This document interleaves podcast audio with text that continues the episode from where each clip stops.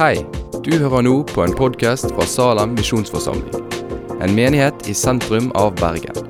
Vil du vite mer om oss eller komme i kontakt med oss, gå inn på salem.no. Herre Far, takk for ditt ord til oss. Ditt ord er sannhet. Må du hellige oss i den sannheten. Det er en kar som heter Dritish Kolde. Han, han har sagt eh, et sitat. Det er tre ting jeg vet er sant, og som ofte tynger mitt hjerte. Det første plager ånden min fordi jeg må dø. Det andre plager hjertet mitt fordi jeg vet ikke når jeg skal dø. Det tredje plager meg mer enn noe, for jeg vet ikke hvor jeg skal når jeg dør. Det er noe uunngåelig med livet. At det er noe uunngåelig ved døden og den dommen som, som Bibelen snakker om som av og til kan skape en desperasjon både i ikke-kristne, men også i kristne. Det er med at døden kommer. Og fordi jeg tror mennesker innerst inne vet at vi kan ikke møte Gud som dommer og overleve. Uansett hvor hellig en prøver å leve, så uansett hvor fint og flott en så det vil være en slags sånn åh, det, er noe, det er noe der som ikke er en dårlig samvittighet som ikke strekker til. Lite glede i livet fordi en er redd for, for hva døden vil bringe. Angst for døden, en ikke frimodighet. Men det er mange som vitner og forteller om en oppdagelse som forvandler absolutt alt. Et skifte fra synd og skyld og mismot til glede, til frihet. En oppdagelse av det som Bibelen kaller for evangeliet. Og jeg har, jeg har, vært og sett Som pastor så, så, så, har jeg fått vært med på dødssenga til noen av våre medlemmer i salen. Vi har fått sitte der og, og prate med dem og fått sett at de ber nå kan siste dagen komme. Tenk å ha den frimodigheten på at nå kan døden komme. Fordi jeg er trygg. Det fins et vitnesbyrd eh, som jeg har lest nå i det siste, som, som har eh, gjort at jeg har blitt enda mer glad i evangeliet. For Det vitnesbyrdet til, til, til, en munk. faktisk. Det er en bok som er skrevet om hans, munken som endret Europa. Den kan jeg anbefale å lese. Den skapte faktisk frimodighet og glede hos meg. Og Det er en veldig lett biografi. Det er ikke sånn tung teologisk. Det er en lett biografi, historien om en person, som òg fins på lydbok på Storytel, hvis, hvis noen ikke liker å lese. Vi skal lese fra Romerbrevet 1, 16-17. For jeg skammer meg ikke over evangeliet. Det er Guds kraft til frelse for hver den som tror. Jøde først, og så greker. For i det åpenbares Guds rettferdighet av tro til tro, slik det står skrevet. Den rettferdige skal leve ved tro. Evangeliet. Det er det som er temaet i dag. Guds kraft til frelse. Faktisk så står det at det er Guds dynamitt til frelse. Det er en sånn sprengkraft i det som Bibelen kaller for evangeliet. Men det er, et fremmedord. Men det at det er Guds dynamitt, det betyr at vi er nødt til å finne ut hva er egentlig dette her. Og To ting jeg har lyst til å dele med dere i dag. Det første er hva er evangeliet, og hvordan kan vi tilegne oss det? Og nummer to hvordan forandrer evangeliet oss? Og Så skal dere få bli fortalt en historie fra en av oss her i Salem som vitner om at det er sant. Men først, altså, hva er evangeliet, og hvordan tilegner vi oss det? Det er Guds dynamitt. Den, rett, den rettferdige skal leve ved tro. Men evangeliet, altså ordet evangelium, det betyr gode nyheter. Enkelt og greit. Gode nyheter. Det er en nyhetsrapport om en livsforvandlende hendelse som allerede har skjedd. Et budskap om hvordan vi har blitt berga fra fare. Eksempelet er i krig. Det, hvis noen vant, så sendte de en fra krigssonen til byen med budskap om at vi har vunnet. Dette er livsforvandlende. Det er rapporten. Og den rapporten heter evangeliet. Det er det, En nyhet, en rapport om en seier som allerede er vunnet. Og Hvis vi spør oss hva er evangeliet, det er gode nyheter. sant? Men hvis vi får neste punkt her, Oddvin. Evangeliet er gode nyheter. Det er ikke gode råd. Av og til så oppfører vi oss som om det er gode råd. at det, ja, evangeliet det betyr at vi må gjøre sånn og sånn. Men evangeliet er ikke en måte å, gjøre, å leve på. Det er ikke en måte som du, det er ikke noe du skal gjøre Det er noe som er blitt gjort for deg, og som du må respondere på. Hvis du får en nyhet, og den gjelder deg, så responderer du med glede eller med sorg. Eller du responderer iallfall hvis den gjelder deg. Men nyheter som ikke gjelder deg, er du totalt likegyldig til. Og Sånn er det med evangeliet òg. Hvis det gjelder deg, hvis du erfarer at det gjelder meg, så skaper det en respons i deg. Hvis det er totalt likegyldig, så kan du være sikker på at det ikke har nådd deg. Du vet at evangeliet gjelder deg når du møter det med en respons. Det er gode nyheter som annonserer at vi har blitt redda. Det, det, er ikke gode råd, men at vi er blitt redda. Om at Jesus har tatt vår skyld på seg. Altså alle, alle, våre feil, alle våre mangler, alle vår skyld og skam, alle våre misgjerninger. Altså det vi har gjort som er galt. Han har berget oss. Han har tatt det på seg. Det er ikke gode nyheter om, om det som gjenstår å bli gjort. Men det er gode nyheter om noe som er gjort. Det er ikke noe du gjør, men noe du får. Det er ikke et program du joiner, det er et budskap som du mottar.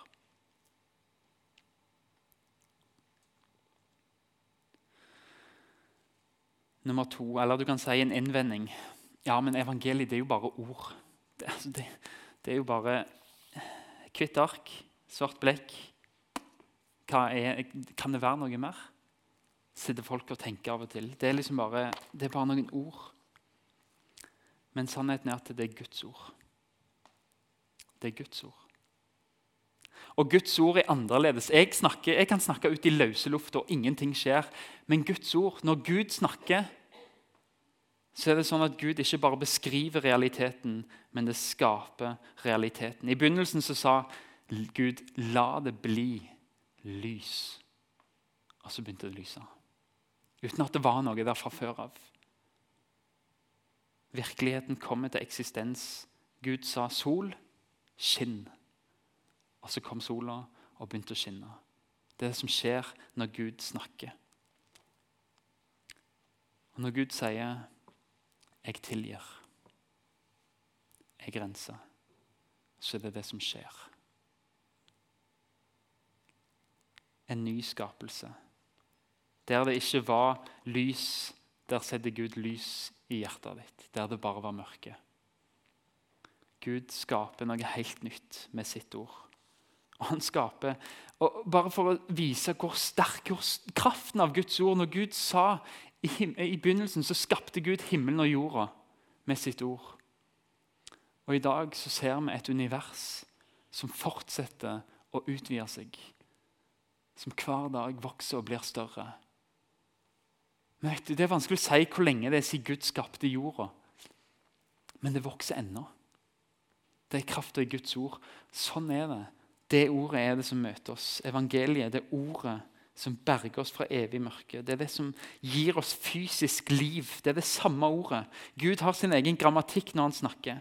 Jeg kan snakke uten at noe skjer, men når Gud snakker, så skapes noe. Guds ord sier det det gjør, og det gjør det det sier samtidig. Hvis du vil ha tilgivelse for dine synder, så må du gå til det ordet som kan skape liv. Og det finner vi, for Gud har gitt det til oss her. Det er livgivende ord. Det er virksomt i oss som tror, står det om, det, om disse ordene i Bibelen. Guds ord er virksomt i den som tror. Det skaper noe. Det er ord som formidler og gir syndenes forlatelse. Det er egentlig en ny skapelse. Når en person hører den gode nyheten om at Jesus er død for oss, så er det Guds ord som når oss, som skaper noe nytt. Det er en ny skapelse. Og Det er ingen annen måte å motta det på. Vi kan ikke føle oss til å bli kristne. Vi kan ikke tenke oss til å bli kristne, men vi er nødt til å få noe nytt og møte det ordet, det livet som er her. For det tredje kan vi si om evangeliet at det er et løfte. Et personlig løfte. Som jeg sa, gode nyheter. Men, men altså det er bare oversettelsen av ordet. Hvis vi bare tar ordet evangelium og oversetter så er det gode nyheter. Et godt budskap. Men det blir fort bare informasjon. Hvis vi tenker sånn på det. Det er bare nyheter. og Det er bare, noe, det er bare historisk informasjon om noe som har skjedd. Jesu biografi det er ikke bare Det er ikke et evangelium hvis det bare er nyheter om noe som har skjedd.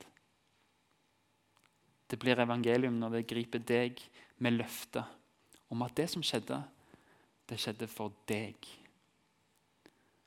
Evangeliet er et løfte. Det er personlig og det er relasjonelt. Det betyr at Gud kommer til deg. Og så gjør han nesten som han gjør en avtale med deg. Han sier dette Glem alle andre nå. Dette gjelder deg. Det er personlig. Det gjelder deg. Gud kommer til deg og handler med deg som om du er det eneste mennesket i hele verden. Og gir deg løftet om evig liv. At du er arving med Guds sønn sjøl og skal arve hele himmelriket. Det er Guds løfte til deg nå. Dette er ditt løfte, sier han. Og så handler han individuelt med oss. Et løfte uten at du stoler på det, vil ikke gi deg noe. Å tro er å ha en tillit til Guds løfte. At du tenker 'ja, dette gjelder meg'. Hvis du ikke tror på løftet, så vil du aldri teste det ut. Men det er det som skjer når Gud kommer til oss, og så sier han dette. At Jesus døde for deg, Kristian. Det er for deg. Og så må jeg velge. Stoler jeg på det? Og i så fall så kan jeg legge hele livet mitt i det. Men hvis jeg ikke stoler på det, så velger jeg det bort. Tro er tillit til at det Gud sier, er sant. Tro er tillit. At du tror at det Gud sier, er troverdig. Og Det er ikke sånn at vi tenker oss til tillit. Vi, vi, har tillit fordi Gud er trofast. Fordi vi ser i Bibelen at ja, sånn Gud sier at han er, sånn erfarer jeg det òg. Og så får vi tillit. Det er akkurat som med mennesker. De som er troverdige. Hvis jeg møter et troverdig menneske, så får jeg tillit til det. Fordi det er sånn. De kommanderer meg ikke til å si du skal ha tillit til meg. Sånn er det med Gud òg. Han er troverdig. Når du møter han, så ser du at åh, jeg kan jo ha tillit til han her. Og så er det troen. Det er ikke noe vi alltid har kontroll over. Det er akkurat som å bli forelska. Det er ikke alltid du kan bestemme det. Det bare skjer. Sånn er det når Den hellige ånd teller en gnist av tro i mennesker. En tro som griper løftet, og som sier det er mitt. Han her munken som jeg fortalte om i starten, han, han, ga, han sa det er et bilde som han likte godt for å beskrive hva evangeliet var, og hva troen var. Han sa det akkurat som et bryllup. Det er akkurat som en giftering. Og når du setter den på fingeren, så blir jeg og Jesus ett. Alt det jeg er, mine feil og mine mangler, all den fattigdommen jeg har, den blir Jesus sin. Alt det han er, Guds sønn, rettferdig, han som levde helt perfekt. Han som har, han som har det evige liv. Det blir mitt sånn. Og så blir vi ett. Han tar alt mitt, og jeg får alt som er hans. Og så kalte han det det bryllupet, det, det salige byttet. Og Det salige kan være et vanskelig ord, men det betyr egentlig det byttet som er så, det gir som lykke, som ikke stopper med død, men som går videre, som er kun er gitt av Gud. En lykke som er gitt av Gud, som ikke stopper med døden. Sånn beskrev han det. Den lykken. Alt hans blir mitt. Og Det var det som gjorde at han sier nå kan den siste dagen bare komme, for jeg er klar. Men når vi tror så sa det, det verset vi leste i begynnelsen, at den rettferdige skal leve ved tro. Når vi tror, så blir vi rettferdige. Det vil si at, at Gud ikke ser alt det gale vi har gjort, men ser bare Jesus. Han som vi er gifta med. Det er akkurat som vi tar Jesu navn når vi gifter oss. Og så ser Gud ja, det er jo mitt barn. Og så er vi rettferdige. Men det er sant i himmelen. Men empirisk det jeg kan se og erfare her, så vet jeg at sånn er ikke mitt liv. At jeg ofte tar en snarvei om en løgn for å slippe unna en situasjon. Eller ofte tenker egoistisk. Selv om jeg gjør noe godt, så er det mest for min egen del. Jeg vet at her er jeg ikke feilfri. Det er en himmelsk sannhet at jeg, jeg er rettferdig, men, men her så har jeg ikke så mye å være stolt av. Men troen, den lar Gud være Gud og lar mennesket være menneske. Den godtar det Gud sier om livet vårt. Og så sier troen OK, Gud, du er skaper. Du er giver. Du har gitt meg dette, og du har skapt det i meg. Og Det er ikke sikkert jeg ser det, men jeg tror det. Tro skaper glede og fred. Og Gud gir det til oss. Derfor er det Guds kraft til frelse. Det forvandler oss. Og I mange kulturer så er det sånn at hvis du ikke mottar en gave, så er det samme som å avvise giveren. Hvis du sier 'nei, den gaven vil jeg ikke ha', så sier du egentlig til giveren at 'jeg vil ikke ha noe med deg å gjøre'. Å ikke tro på Gud, det er å avvise han. Til å si at 'denne gaven her, den vil jeg ikke ha'. Det er et avslag på det byttet som han vil gi.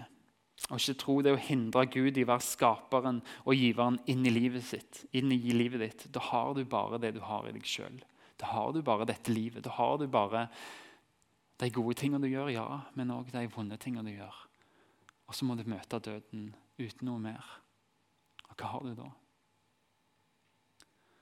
Å bli en kristen er å skifte status. Johannes sier i et brev han som gikk med Jesus lenge og var Jesus sin beste venn, han skrev vi vet jo at vi er gått over fra død til liv. Johannes var ikke perfekt, men han sa 'jeg vet'. Ikke at jeg skal gå over, men jeg vet jeg har gått over. Han tror på det budskapet om at dette er ferdig. Det er en hendelse som har skjedd, som du får del i. Vi er gått over.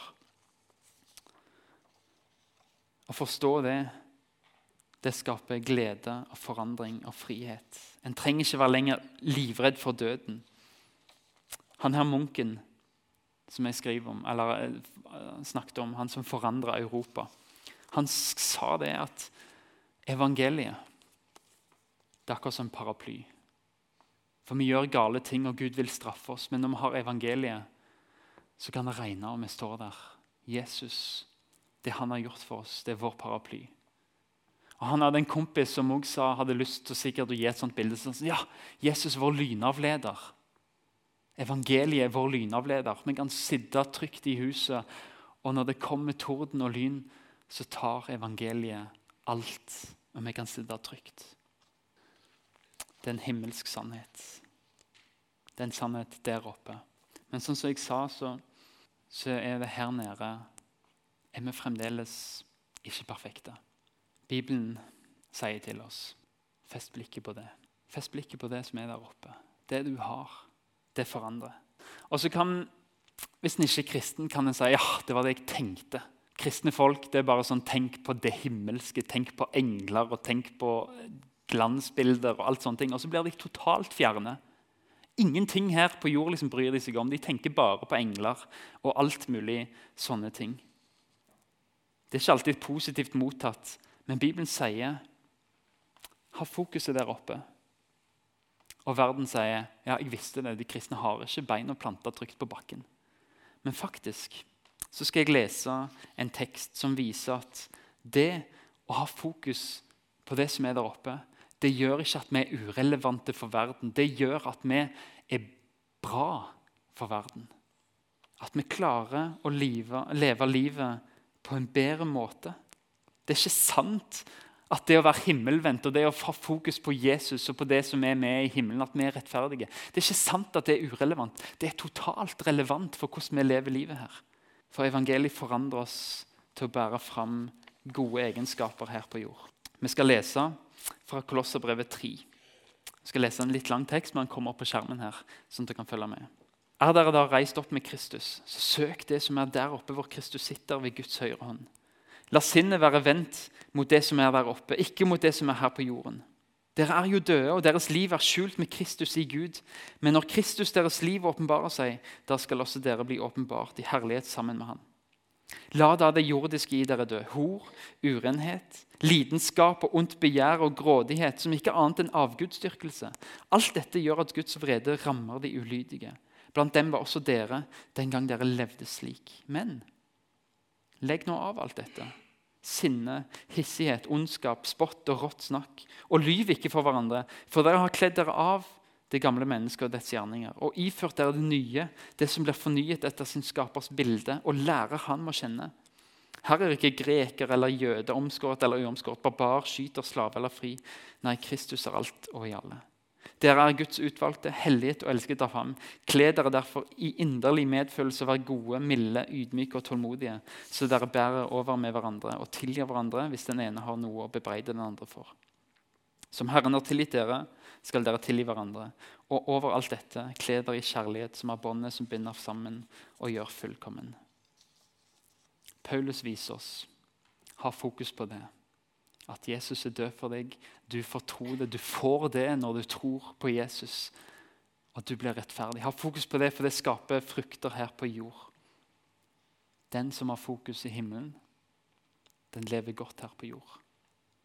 Hvis du tar fortellinger som mennesker blir inspirert av Nesten alle store epos som blir filmatisert eller skrevet om i store, tjukke bøker, alle historier som fenger mennesker, så fins det ei lik linje. Det fins en helt som er et helt vanlig menneske. Men det er et eller annet som skjer i forskjellige muligheter. Om det er tidsreise, om det er romreise, om det er til et annet land eller om det er en annen dimensjon. eller hva som helst. Men denne helten den kommer til en plass som er bare større enn livet. Der ting er mye, mye større. Fargene er sterkere. Alt er godt eller vondt. Det fins en sånn tydelig skille mellom godt og vondt. Han møter konger, han møter dronninger, helter, skurker, krefter. Han møter store slag og store kriger og store konflikter. Men på slutten så er det alltid frelse, det er alltid berging. Det er alltid noen som redder noen. Og Så kommer de så ofte tilbake til sitt eget land, tilbake og våkner kanskje fra en drøm eller kommer tilbake fra en reise. Men det er noe nytt med dem. De har vokst. De er større enn livet. De har vært et sted, de har sett noe. De har sett en frihet. De har sett en kraft. De husker at det er noe mer enn denne verden. Det fins en annen verden. De ler mer, de gråter mer, de er modigere. De er nesten kongelige. Og de ler av farer fordi de har sett større farer bli knust av gode krefter. De har selvkontroll, og de er modigere fordi de har sett konger og dronninger og helter og dragedrepere leve med mot. Og De er modige, de er vise. De er blitt mer ærlige og sanne. De vil huske de heltene som de traff, og prøve å ligne på dem i denne verden. Og Nesten i alle disse historiene så er det noen som ofrer livet sitt for å redde dem. Og så vil de òg bli sånn. De òg vil gjøre de samme gjerningene. De husker en som døde for dem, og det forandrer dem. De lever på en ny måte. Og De har sett noe større, og det gjør at de lever med stolthet og modighet i denne verden. De er ikke redde for ild, for de har sett inferno slukke. De er ikke redde for krig, for de har sett store kriger bli vunnet av gode makter. Vi kjenner alle sånne historier. Og sånn er det med de kristne som har sett evangeliet òg. Vi har sett den sanne, den modige Jesus, den kjærlige Jesus, den ømme Jesus. Han som døde for oss. Vi bryr oss ikke om bagateller fordi vi har en Jesus som er for oss. Hvem kan da være imot oss? Øynene våre er åpne. Vi kan møte alt fordi vi har blikket festa på Han. Og vi lærer av ham, og vi ser han, og vi ser at vi er hans brud. Alt han sier, er mitt. Og vi ser det kanskje ikke i denne verden. Men når vi fester blikket på det, så påvirker det oss i denne verden. Og vi ser at dette gjelder meg. Og så får vi mot fra den historien på at jeg er Guds barn. Samme hva folk sier om meg. Jeg har en trygghet i at Gud elsker meg, at han ga livet sitt for meg. At kanskje så kan jeg gi bort denne summen med penger. Fordi jeg har en som ga livet sitt for meg. Hvis vi fokuserer på Jesus, så har vi ikke, ikke sånn at beina våre ikke er planta på bakken. Vi må hele livet vårt planta her og etterligne den og forandre verden.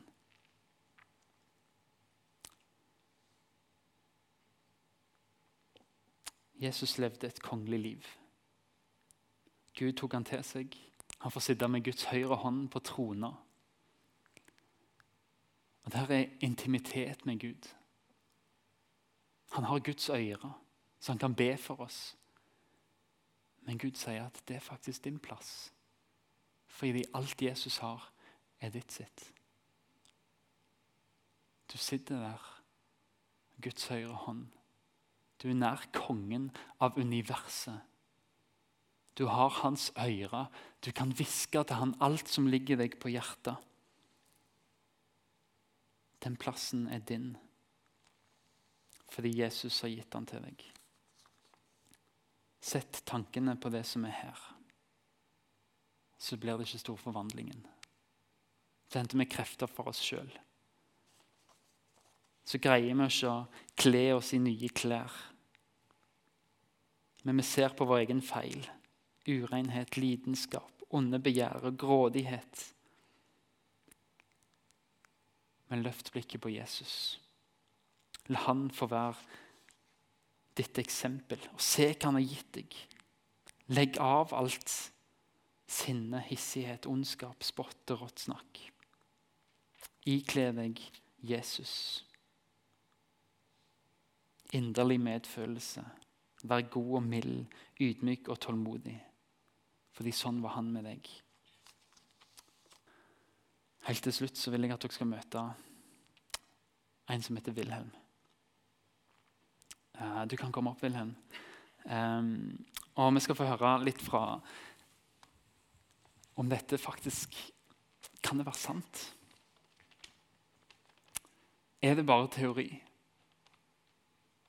Men hva skjer når vi fester blikket på noe annet enn oss sjøl? Når det får gjelde oss? Hva skjer når evangeliet får treffe oss, når det får skape noe nytt i oss? Wilhelm, vi har ikke kjent hverandre så veldig lenge. Eh, noen uker, egentlig bare. Men eh, kanskje du beskriver liksom hvordan livet ditt var bare for, for, litt siden? Jo, det var mørkt, egentlig. Jeg var kun hjemme for meg sjøl. Klarte ikke å gå ut med andre mennesker eller være rundt andre mennesker. Jeg hadde egentlig bare mørke rundt hele mitt liv. Mm. Hm. Men men så vet jeg at det skjedde noe. Eh, og du fikk møte Jesus. Um, hvordan skjedde det? Ja, Det første møtet jeg hadde, var fire-fem år siden. Da jeg først traff han, men jeg hadde fortsatt det mørket rundt livet mitt som hindret meg for å følge han. da. Men så tok jeg kontakt da med Salam og deg her via e-post. Og traff deg da på møtet her og følte egentlig med en gang at jeg var tatt imot og følte meg trygg og visste at jeg var kommet på riktig plass. Uten å kunne egentlig gi noen forklaringer på det. Mm. Og så sa du òg at uh, selv, om, selv, om, det var mørke, så merka du at han var med deg hele tida. Eh, etter du hadde truffet han, så, så, var det fremdeles mørke, men han var der allikevel. Ja, det er noe som jeg har forstått noe i og klart å sett noe i de siste møtene jeg har vært her òg. At han har egentlig vært der fra for fire-fem år siden og egentlig hele veien. Mm. Men var, han har ikke vist seg mer nå, før nå. Mm. At det var nå tiden var inne for at jeg skulle bli ledet her til Salem. Mm. Kan du eh, si liksom, den største forskjellen på livet ditt før og etter Jesus? Ja, livet mitt før var, var det at jeg var alene. klarte ikke å være foran folkemengder som jeg er her i dag. Og egentlig ja, har mange øyne som var rettet mot meg. da. Og så var det da når jeg kom her, så begynte jo ting å, å skje. Så egentlig var mer enn jeg jeg følte sjøl at jeg var klar for. Og, men så valgte jeg da å komme her igjen. Og det var mye av onde, onde ting da rundt, fortsatt rundt livet mitt. Mm. Så jeg sa bare til han at hvis du mener at jeg skal følge deg, og jeg er klar for det, så må du hjelpe meg videre. Og jeg tok da det steget med å komme inn her på det andre møtet. Mm. Så han, det han har gjort for meg, det er at han, jeg har blitt medisinfri, klarer å være rundt folk, står her på scenen i dag så jeg ikke hadde klart for noen uker siden. Um, ja, han har egentlig gjort meg til det mennesket jeg skulle ha vært for, for flere år siden. Hmm. Er mørket der ennå? Du, når du beskriver mørket, at var, du hadde et mørke, men, men hvordan, hvordan, kjennes det nå? Veldig svakt. Det er hans kjærlighet og hans lys som er det mest. Mm. Og Det har vi jo prata litt om, at det mørket vil være der. Selv om som kristen så vil det være en kamp mellom det mørke i oss og evangeliet som kjemper. Og Det vil være en kamp, men vi har lova å få støtte fra Den hellige ånd. Men første gang jeg møtte deg, så sa du jeg trenger litt hjelp til å bare få forklart hva som skjer her. For når jeg leser Bibelen, så skjer noe i meg. Ja. Kan ikke du si litt om hva, hva skjer når du, hva erfarer du når du leser Bibelen? Jo, det er mye. Jeg har jo alltid hatt lese- og skrivevansker siden jeg ble født. Så for meg å lese i en bok er veldig vanskelig. Men uh, det første som skjer når jeg leser Bibelen, det er at de feilene forsvinner. Hm. Og det tok jeg et, prøvde meg ut på. at Jeg leste da en hel side fra Bibelen uten lesefeil. Klarte å lese alt. Tar jeg en vanlig bok og begynner å lese, og feil er der. Mm. Så det var da Jeg lå egentlig bare fra meg boken og Bibelen og trakk meg vekk og visste ikke hva jeg skulle gjøre. For det var ganske nytt for meg å oppleve. Mm. Så jeg uh, har vært der. Jeg har faktisk bedt han at du må bremse litt, for det er litt for mye. Men, men dette koster deg ganske mye? Ja. Er, han har tatt vekk mye onde som har vært rundt meg. Mm. Så det har vært en hard vei. Men jeg vet at det er hans måte for, for at jeg må gå, da. Mm. Og det er alltid, Wilhelm, det er, Når han tar vekk noe fra oss, så vil han alltid gi oss noe som er bedre. Han rydder plass til noe som er bedre. Sånn som han sier i sitt ord, at når han tar vekk kjødets frukter, det som er urenhet, lidenskap, begjær, så vil han gi oss fred og trygghet og glede. At det skal ikke være et vakuum.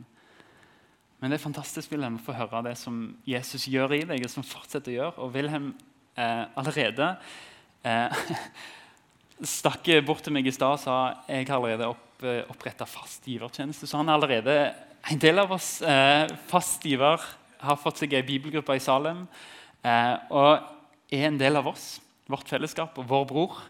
Eh, ta godt imot han, eh, og la han få være et eksempel på at Jesus forandrer liv. At Guds ord det skaper noe nytt. På samme måte som universet utviser ennå, så skaper Guds ord fortsatt nytt liv i mennesker. Jage ut mørket, som gjør at vi flytter fra dødens rike til lysets rike. Fra død til liv. Og La han få være et eksempel på at det skjer her i Salem. Um, og så skal vi bare be helt til slutt. Herre Far, takk for at uh, ditt ord er sannhet. At du forandrer oss, Jesus. Takk for det du har gjort i Wilhelm sitt liv. Vi bare ber om at du fortsetter å la han få vokse i kjennskap til deg, Jesus. Og led han på din vei. Og så ber vi om at, uh, at vi kan se Jesus, vi som har vært kristne en stund, kan få se at åh, det er lenge siden vi har kjent at du har gjort noe, at du har tatt bort noe vondt fra oss. Og Vi ber om at du beskjærer oss på ny, Jesus. At du tar de greinene hos oss som ikke bærer så mye god frukt, og bare tar de vekk, sånn at vi kan bære mer frukt og bli mer lik deg, Jesus. For du vil forandre alle til å bli mer lik deg. Jesus, takk for ditt ord til oss. Amen. Da skal dere få gi en applaus til Wilhelm.